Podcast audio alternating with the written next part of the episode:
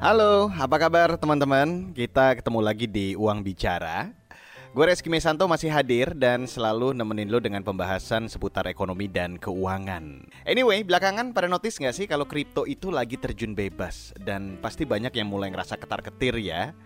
Nah, di episode kali ini gue bakal memutarkan kembali audio live Instagram Uang Bicara bareng Muhammad Noval dari Koin Investasi. Live Instagramnya sendiri sih kemarin ya di hari Senin tanggal 28 Juni. Langsung aja yuk kita dengerin. Di episode kali ini di Uang Bicara, kita akan ngebahas kali ini tentang kripto yang lagi down. Apakah waktunya kita untuk tarik rem darurat atau ada solusi lain? Nah, di episode kali ini gue mau ngajak ngobrol seseorang uh, namanya Muhammad Noval. Dia ini mungkin bisa dibilang expert ya di dunia perkriptoan ini.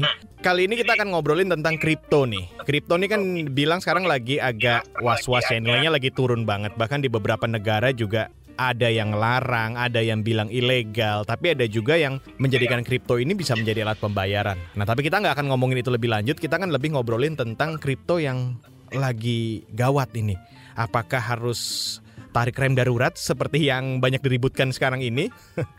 Tapi sebelumnya kenalin dong, lo ini siapa sih sebetulnya? Nama gue Noval, gue dari Koinvestasi. Kebetulan gue udah belajar kripto sekitar 4 tahun dan belajar trading dan investing sekitar 6 tahun sejak kuliah. Dan gue umurnya sekarang 23, jadi masih anak kecil. Tapi alhamdulillah udah mulai peduli sama masa depan. Makanya belajar kripto, karena kripto adalah teknologi masa depan. Berarti udah tepat ya untuk ngajakin lo ngobrol tentang kripto ini. Kripto ini kan banyak yang bilang the next digital gold. Tapi faktanya Bitcoin sendiri sempat hampir nyentuh 1M tapi sekarang cuma beredar di angka 500 juta atau bahkan kadang ada di bawah. Alternatif coin kayak Ethereum juga ikut-ikutan anjlok juga nih. Menurut lo kenapa sih nih kripto sekarang-sekarang ini dan kira-kira apa sih penyebabnya? Jadi kalau misalnya kripto sendiri tuh sebenarnya sekarang ada dua hal sih yang menyebabkan kondisi lagi turun banget. Yang pertama tuh harus kita ketahui penyebab turun tuh sebenarnya adalah food atau kalau di dunia kripto namanya fear, uncertainty, and doubt, makanya disingkat food. Nah, food ini tuh ada dua hal sekarang. Yang pertama tuh dari Cina dan yang kedua tuh dari pemerintah Amerika. Nah, kita bahas dulu yang dari Cina nih, Mas. Jadi, kenapa Cina tuh perannya penting banget? Karena sekitar 60% penambang Bitcoin itu berasal dari Cina. Makanya emang bangsa pasarnya itu besar. Nah, sekarang tuh Cina lagi mencoba melarang seluruh operasional terkait kripto, mulai dari perdagangan sampai penambangan. Makanya juga itu yang membuat banyak orang khawatir dan nganggep bahwa sekarang tuh lagi crash lah kasarnya buat terutama untuk investor pemula. Kalau dibanding saat dulu lagi in banget yang hampir 1M kemarin, ini kira-kira kalau dikalkulasiin ini mengalami penurunannya berapa mas? Pokoknya intinya kalau turun dari all time high-nya tuh sekitar 50% lah kalau ngomong hampir 1 miliar ke hampir 500 ribu itu sekitar 50%. Jadi koreksi 50% ini sebenarnya ya masih relatif kecil dibanding gain satu tahunnya sebenarnya. Di mana gainnya tuh hampir sekitar 100% kalau untuk Bitcoin sendiri Makanya kalau misalnya investor lama tuh koreksi-koreksi kayak gini tuh ya biasa aja lah. Karena balik lagi ini tuh cuma karena food Cina tadi dan juga food dari pemerintah Amerika yang intinya nyambung ke transmisi kebijakan moneter di mana dia lagi merubah suku bunga acuannya dan memiliki target inflasi yang mulai berubah-ubah. Nah tapi kalau misalnya kita ngelihat dengan kondisi sekarang ya, ini kan bisa dibilang lagi drop, lagi terjun bebas. Nah kalau kita ngomongin dari sisi investor ini, sebetulnya mereka itu harus panik atau mungkin calm down aja saatnya narik rem darurat atau justru malah sebaliknya harus ngegas untuk beli karena nilainya kan lagi drop nih bisa dibilang seperti itu. Sebenarnya pertanyaan yang dijawabnya kayak menurut iman masing-masing sih sebenarnya iman. Jadi kalau aku pribadi dulu tuh bisa ngomong kayak gini karena emang pengalaman pribadi di mana aku waktu itu beli pertama kali di 2017. Peaknya atau titik tertingginya pas bulan atau harga naik-naiknya kemarin tuh. Jadi pas di 2017 tuh harga mentok di 20 ribu kalau nggak salah. Nah aku pribadi beli di 17 ribu US dollar. Nah habis itu dia turun sampai 5 ribu tuh bahkan 400 persen kalau nggak salah. Ya bisa dibayangin lah investor awam terus baru masuk ke Bitcoin langsung panik. nah tapi sebenarnya dalam koreksi tersebut itu tuh justru membentuk kesempatan baru buat aku mas. Jadi kayak Kalau saranku saat koreksi kayak gini, pertama kalau emang belum terlalu tahu banget tentang dunia kripto, ya harus pahamin lah. Itu justru dipakai waktu buat belajar mendalam tentang dunia kripto. Karena balik lagi kalau kita investasi terhadap suatu aset, kalau misalnya kita semakin kenal dengan aset tersebut, berarti volatilitas dan fluktuasi itu harusnya nggak ngaruh banget karena kita emang udah percaya. Dan aku biasanya ngasih tahu ke orang-orang tuh kalau nanya ini bagus nggak itu bagus nggak, balikin lagi ke mereka. Kalau misalnya kalian beli aset, terus abis itu asetnya turun 30% setelah beli, apakah kalian akan menganggap itu sebagai kerugian besar atau sebagai kesempatan untuk beli? Kalau menganggap sebagai kesempatan untuk beli berarti kalian percaya sama aset itu dan kalian layak untuk beli aset itu. Tapi kalau kalian menganggap sebagai kerugian ya penting dari awal nggak usah beli jadi kalau aku pribadi ya sarannya kalau emang udah percaya sama kripto dan ngerti bukan sekedar FOMO atau ikut-ikutan mah beli lagi aja. Karena kalau ada uang atau kalau nggak ada uang ya hold aja. Tapi balik lagi jangan beli asal-asalan juga dan pastiin dulu analisisnya yang benar.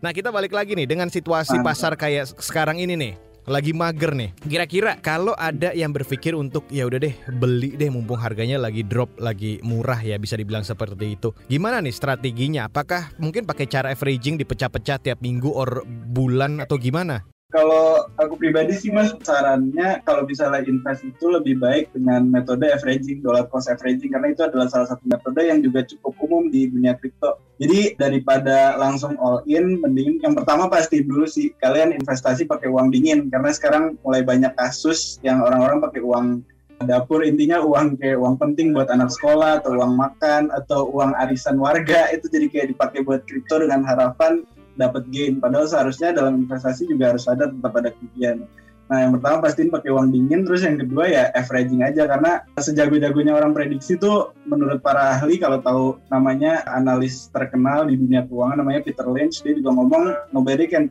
predict the markets perfectly gitu loh.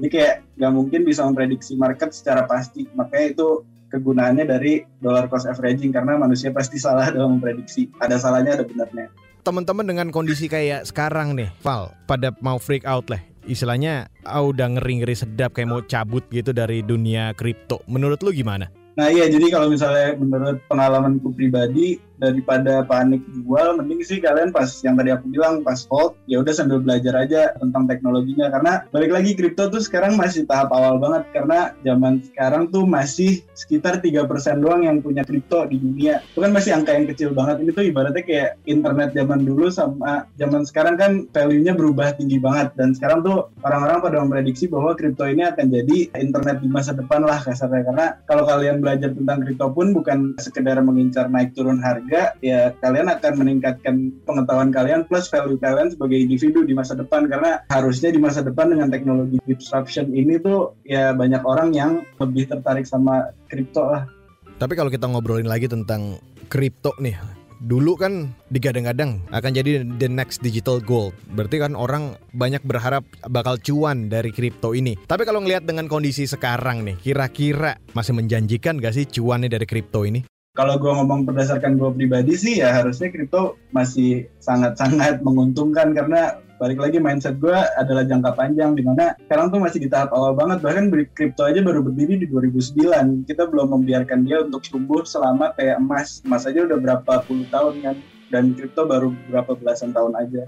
Jadi kayak uh, menurutku pribadi harusnya ke depannya ya ini sangat-sangat worth it sih dan kalau misalnya ngomongin keuntungan yang jangka menengah deh sampai akhir tahun harusnya kalau menurut data on chain atau data dari blockchain tuh ya ini bukan peak dari bulan atau masih ada kemungkinan untuk harga naik lebih tinggi lagi prediksi dari BTC sendiri ini tembus 1,5 M di tahun ini. Dengan kondisi nih, kondisi sekarang ini, bener nggak sih atau memungkinkan nggak? Atau mungkin ada prediksi, revisi prediksi mungkin? kalau menurutku pribadi sih harusnya masih sih. Soalnya ya balik lagi tadi yang aku bilang ini kan ibaratnya Bitcoin itu kan bergerak dalam sebuah siklus. Jadi intinya tuh ada yang namanya Bitcoin halving. Jadi kalau Bitcoin halving ini tuh adalah masa di mana tiap empat tahun sekali para penambang Bitcoin itu rewardnya dikurangin setengah. Jadi intinya orang-orang yang menambang Bitcoin tuh lama kelamaan reward atau imbalan sebagai penambang itu akan terus berkurang. Nah makanya semakin berkurangnya imbalan tersebut berarti harusnya semakin langka juga Bitcoinnya. Dan kalau permintaannya terus naik kan supply demand harusnya harganya naik. Jadi ya emang sekarang tuh masih dalam siklus 4 tahun sekali itu di mana abis halving biasanya ada buluran atau harganya naik dan habis itu ada sedikit bear market, habis itu biasanya mulai naik lagi menuju halving berikutnya. Nah sekarang tuh halving yang terakhir tuh terjadi di 2016 dan harusnya di 2017 itu buran. Jadi harusnya sih dalam tahun ini melihat uh, kondisi data on-chain juga ya prediksi 1,5 miliar rupiah itu masih sangat-sangat mungkin karena itu tuh prediksi dibikin bukan cuma sekedar analisis teknikal tapi melalui regresi time series, regresi model time series namanya uh, stock to flow model. Itu adalah salah satu model matematika regression time series yang emang dibikin sama salah satu analis yang cukup terkenal. Uh, lembaga riset lah kasarnya. Itu dia, sedikit penjelasan novel tentang kondisi aset kripto saat ini. Tapi gue masih lanjut lagi nih ngebahas tentang aset kripto. Dan di segmen selanjutnya gue bakal ngajakin lo ngobrolin tentang perkembangan aset kripto di Indonesia. Dan juga akan ada beberapa netizen yang sempat bertanya di live Instagram kita kemarin. Jadi jangan ke mana-mana, tetap di Uang Bicara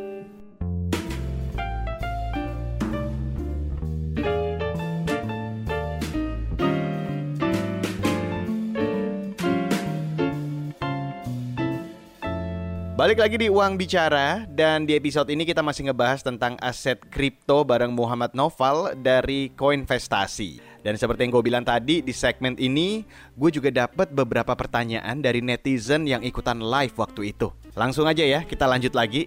Kalau kita bicara lagi tentang kripto di Indonesia sendiri, ini kan masih menjadi kontroversi. Ada yang melarang, kemudian ada juga yang bilang bahwa oh perdagangannya cukup baik, bahkan ada perbedaan pendapat kalau gue nggak salah baca atau salah denger ya Kementerian Perindustrian bilangnya A kemudian ada juga yang bilang eh, BI bilang bahwa ini tidak boleh dijadikan alat pembayaran atau segala macam. Nah kalau kita ngelihat dengan kondisi sekarang gimana nih perkembangan kripto di Indonesia ke depannya? Apakah kira-kira bakal positif atau negatif nantinya?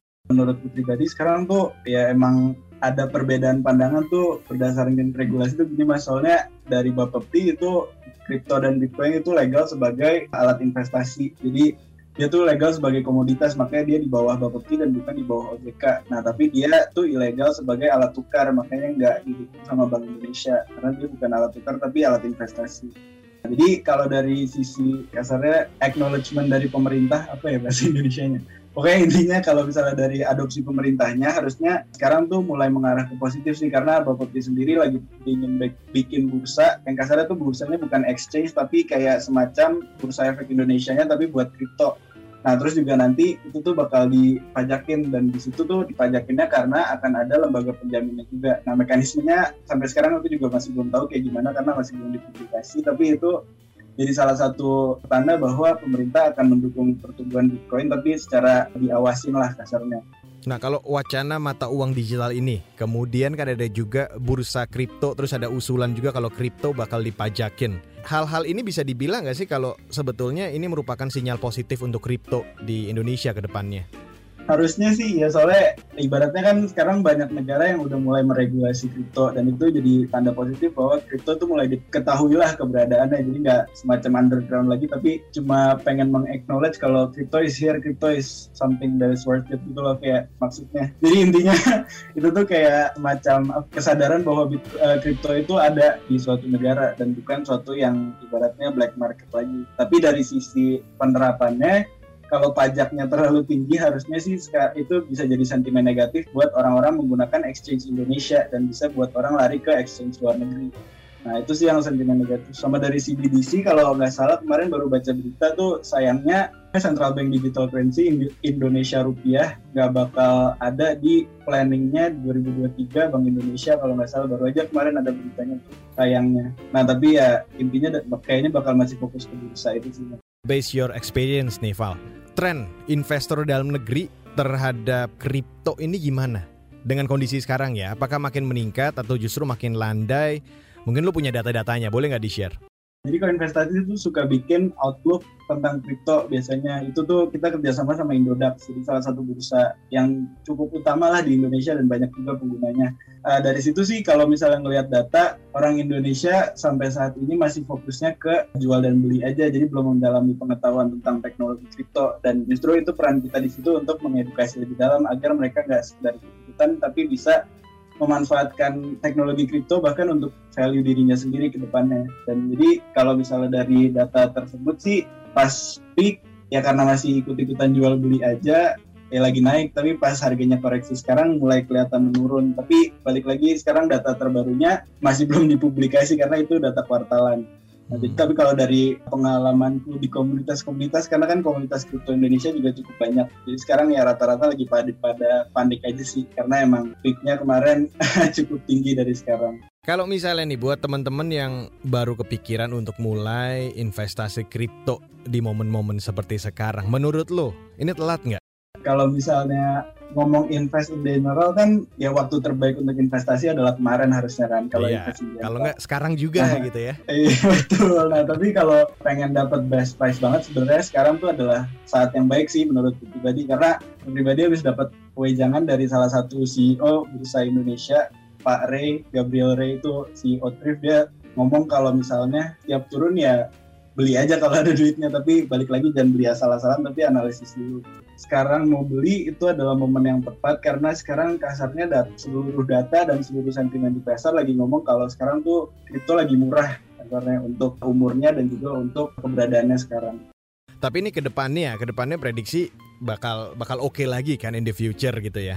Ini tuh adalah pertanyaan yang sama yang aku dapetin di 2018 sih Mas pas 2018 tuh orang-orang pada nanya ini tuh bahkan pada ngatain kayak kan soalnya kebetulan tuh waktu itu aku masih kuliah dan kuliahnya di ibaratnya lingkungan yang nggak percaya sama kripto lah. Jadinya orang-orang bakal pada bilang ya ini bakal scam bakal turun terus lah. Jadi ya kalau ngelihat dari kejadian waktu itu sampai sekarang ya harusnya masih bisa naik lagi. Karena emang ini tuh bukan sekedar alat buat tajir cepet-cepet atau alat judi karena ini ada teknologi di baliknya yang bahkan sayangnya kalau orang-orang masih ngomong kripto nggak ada fundamental tuh harusnya mempelajari lebih dalam lagi karena di balik kripto yang dibilang nggak ada asetnya itu sebenarnya ada teknologi yang cukup tinggi banget. Di baliknya bahkan kadang-kadang apa itu juga memahaminya bingung. Soalnya emang secepat itu perkembangannya kayak internet didisrupsi dengan internet yang lebih baru lagi kan itu gila orang-orang pintar banget Nah ini ada yang kritik kalau kripto itu nggak punya fundamental dan dampaknya ke ekonomi itu kecil karena ada yang bilang muter-muter aja antara pembeli dan penjual.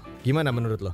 dari tadi aku ngomong harus disclaimer dulu ya ini bukan hmm. financial hmm. advice jadi bukan saran atau ajakan resmi atau legal untuk investasi atau trading crypto guys jadi cuma pendapatku aja nah terus kalau uh, dari sisi nggak punya fundamental dan dampaknya kurang apa ya kurang besar untuk perekonomian. Aku biasa perumpamain dengan sektor pertanian sih mas. Jadi kan kalau sektor pertanian itu salah satu yang bikin petani yang lebih unggul itu dengan menghilangkan tengkulak. Ya nggak sih mas? Atau pihak ketiga biasanya. mm -hmm. Nah, di sini tuh kripto sebenarnya juga teknologinya tuh ingin melakukan hal yang sama. Karena kita tuh bergerak secara terdesentralisasi atau tanpa pihak ketiga. Jadi kalau misalnya bikin exchange atau bursa itu juga decentralized exchange tanpa pihak ketiga. Jadinya justru antara pembeli dan penjual tuh langsung ketemu lebih cepat. Justru uang beredarnya lebih cepat karena nggak perlu ada middleman dan juga nggak ada kesalahan manusia atau human error. Makanya harusnya itu kalau ngomong teknologi pun zaman dulu deh orang-orang bikin internet dibilang itu cuma kayak dunia ngayal yang gak ada bentuknya nah tapi sekarang kita pakai juga kan terus juga dulu Silicon Valley salah satu pusat startup yang terbesar dibilang itu cuma kayak bikin kelompok main-main doang dan gak bakal ngalahin perusahaan. Tapi kita lihat sekarang startup naiknya lebih tinggi banget dari perusahaan bahkan menggerakkan perekonomian. Nah kalau dari kayak gitu ya kalau sekarang emang kripto dibilang cuma bercanda dan nggak ada dampaknya ya kita lihat aja nanti ke depannya gimana karena emang teknologinya tuh mempermudah semua hal. Karena kripto sendiri nggak cuma di dunia keuangan bahkan ada kripto yang blockchainnya digunakan fokus untuk supply chain management ada juga yang untuk production dan consumption yang lebih efisien dan lain-lainnya gitu lah mas intinya emang ada real world application juga sekarang gue mau nanya ke bagian tipsnya nih buat teman-teman yang baru aja pingin atau kepikiran mungkin lebih tepatnya untuk mulai masuk ke aset kripto ini. Gimana sih caranya untuk milih koin yang menguntungkan untuk investasi? Kalau aku pribadi pertama sih pelajarin dulu tentang dunia kripto. Jadi kalau dalam menganalisis sebuah kripto, kalau niatnya untuk jangka panjang fokusnya harus lebih ke fundamental daripada ke teknikal. Karena kalau teknikal kan sebenarnya ya dikit deh. Gampang lah intinya kalau dipelajarin. Tapi kalau fundamental kan bisa benar-benar menentukan apakah kripto itu bagus atau enggak. Jadi kalau dalam menentukan aku biasanya nanyakan empat pertanyaan sih mas. Jadi yang pertama tuh apa yang kedua siapa yang ketiga bagaimana yang ketiga bagaimana lagi Nah, jadi yang pertama tuh apa? Apa itu kripto tersebut? Apakah fungsinya bagus atau enggak? Dan apakah fungsinya jelas atau enggak? Dia bikin proyek kripto tersebut? Apakah cuma kayak pengen ikutan hype atau ada-ada aja doang? atau dia benar-benar pengen menyelesaikan masalah yang ada di dunia dari dunia keuangan atau dunia sektorial juga. Nah terus siapa? Siapa tuh intinya siapa yang bikin proyek tersebut? Siapa yang bikin kripto tersebut? Apakah dia kredibel? Apakah dia seorang yang berpotensi untuk menjadi penipu? Apakah punya track record yang bagus? Apakah teknologi eh pendidikannya terhadap teknologi kripto tuh cocok atau enggak? Terus yang ketiga tuh bagaimana bagaimana perkembangan kripto tersebut dari dia berdiri sampai sekarang apakah masih terus jalan ataukah emang cuma mandak aja proyeknya atau kayak malah digunakan buat penipuan atau sering kena tipu atau enggak. Terus yang keempat adalah bagaimana yang terakhir itu bagaimana relevansi dari kripto tersebut terhadap kondisi pasar kripto sekarang yang bisa didapat dari ya harus sering-sering baca berita lah kasarnya apakah uh, ini relevan sama kondisi dunia kripto sekarang atau enggak. Nah ini aku kasih shortcut aja sih intinya sekarang tuh kripto yang lagi bagus yang pakai teknologi blockchain 3.0 terus yang biasanya terlibat sama DEX atau decentralized exchange yang ketiga adalah yang terlibat sama NFT atau non fungible token balik lagi bukan financial advice tapi itu dari pandangan gue aja kripto kripto yang terbang biasanya yang terlibat sama tiga hal itu Oke, sekarang gue mau coba bacain beberapa pertanyaan nih yang udah masuk nih dari Laswin underscore Purnomo, Bang, apakah boleh jual semua aset dan all in di kripto? Baru gue ngomong tadi kan pakai uang dingin, kenapa jadi all in? ya kalau misalnya ah, balik lagi sih sebenarnya kalian mau apakah jual aset yang dimaksud tuh aset yang emang nganggur atau aset yang dingin yang emang kalian rela untuk hilang apa aset kayak buat hidup? Kalau misalnya aset buat hidup ya janganlah nanti kalian nggak bisa hidup. Nah tapi kalau pengen all in itu pastiin all innya tuh pakai duit nganggur lah intinya. Jangan all in semuanya kripto karena diversifikasi itu penting tetap diversifikasi. Kan ya gitulah dalam investasi don't put your eggs in one basket kan ada juga pertanyaan nih bro dari @kangilham.astrodox. Kalau fundamental dan teknikal udah dipakai tapi masih nyangkut gimana? aku pribadi sih kalau misalnya udah ngerasa paham sama fundamental dan emang niatnya long term karena kan emang invest kan invest tuh bukan sebuah hal yang cepet ya sih Mas Reski ya kan jadi kayak kalau menurutku pribadi ya namanya invest tuh bukan kayak bikin candi yang semalam saja seribu jadi lah intinya. Kayak sebenarnya ya kalau invest kan harusnya niatnya long term karena balik lagi investasi itu kalian cuma naruh uang dan nggak disuruh kerja apa pun. Jadi kayak ya udah tungguin aja sebenarnya kan karena ya kalau niatnya jangka pendek pun harusnya jatuhnya trading. Jadi kayak kalau misalnya udah belajar fundamental dan ngerasa nyangkut ya berarti kalian belum benar-benar percaya sama kripto tersebut. Karena kalau niatnya jangka panjang ya harusnya nggak ngerasa nyangkut tapi ngerasa early atau awal justru karena balik lagi kalau misalnya kalian ngeliat chart ada saying yang ngomong when in doubt zoom out jadi intinya kalau lagi ragu zoom out aja zoom out aja chartnya karena kalau ngelihat jangka pendek kan begini-begini tapi kalau melihat jangka panjang biasanya begini. Oke, okay, ada juga nih dari Ngurah Desni. Bang, kalau kita beli kripto dan exchange-nya bangkrut, apakah uang kita akan hilang?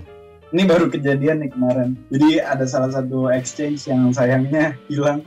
Tapi kalau aku pribadi sih dari yang kemarin, kalau nggak salah tuh intinya sebelum dia bangkrut, ya investornya dikasih tahu untuk mindahin asetnya ke wallet lain. Jadi kan kalian ada wallet di exchange, ada juga wallet di exchange lain pastikan atau mungkin ada wallet sendiri yang nggak terkonek sama exchange. Jadi ya pasti kalian minta diminta untuk pindahin asetnya dulu sebelum mereka ya kabur kabur rugi intinya. Oke, ada nggak sih koin lokal di kripto? Ada kok, banyak sebenarnya sejujurnya. Jadi kayak semenjak di koin investasi itu ada beberapa orang yang suka ngapproach tentang minta dipromosiin lah kasarnya. Jadi sebenarnya kripto lokal tuh banyak ada toko kripto, TKO token kan itu lokal, terus Vexanium juga, terus ada beberapa lainnya juga lah yang bagus soalnya cuma dua, takutnya nanti kalau gue ngomong dikira promosi shitcoin atau coin jelek. Jadi kalau misalnya mau tahu proyek kripto tuh sebenarnya banyak di komunitas, apalagi pasti kalian bakal nemu-nemuin kripto-kripto yang ya dari Indonesia. Tapi balik lagi kalau ngelihat kripto kayak gitu harus hati-hati banget karena ada potensi full atau orangnya kabur. Kayak kemarin baru kejadian namanya apa gitu Safe Moon Crash apa Safe Moon apalah intinya itu orangnya developernya dari Cibaduyut terus dia bawa kabur berapa miliar gitu cuma gara-gara dia nipu orang-orang bilang kripto bagus dan itu lagi masa jaya-jayanya jadi hati-hati ya guys intinya perhatiin fundamentalnya dulu juga itu dia rekaman audio live Instagram gue bareng Muhammad Novel dari Koin Investasi hari Senin kemarin.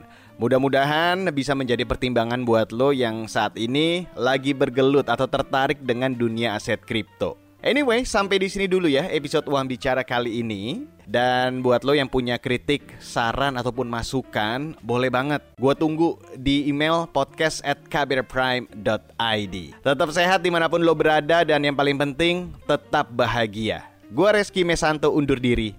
Bye-bye.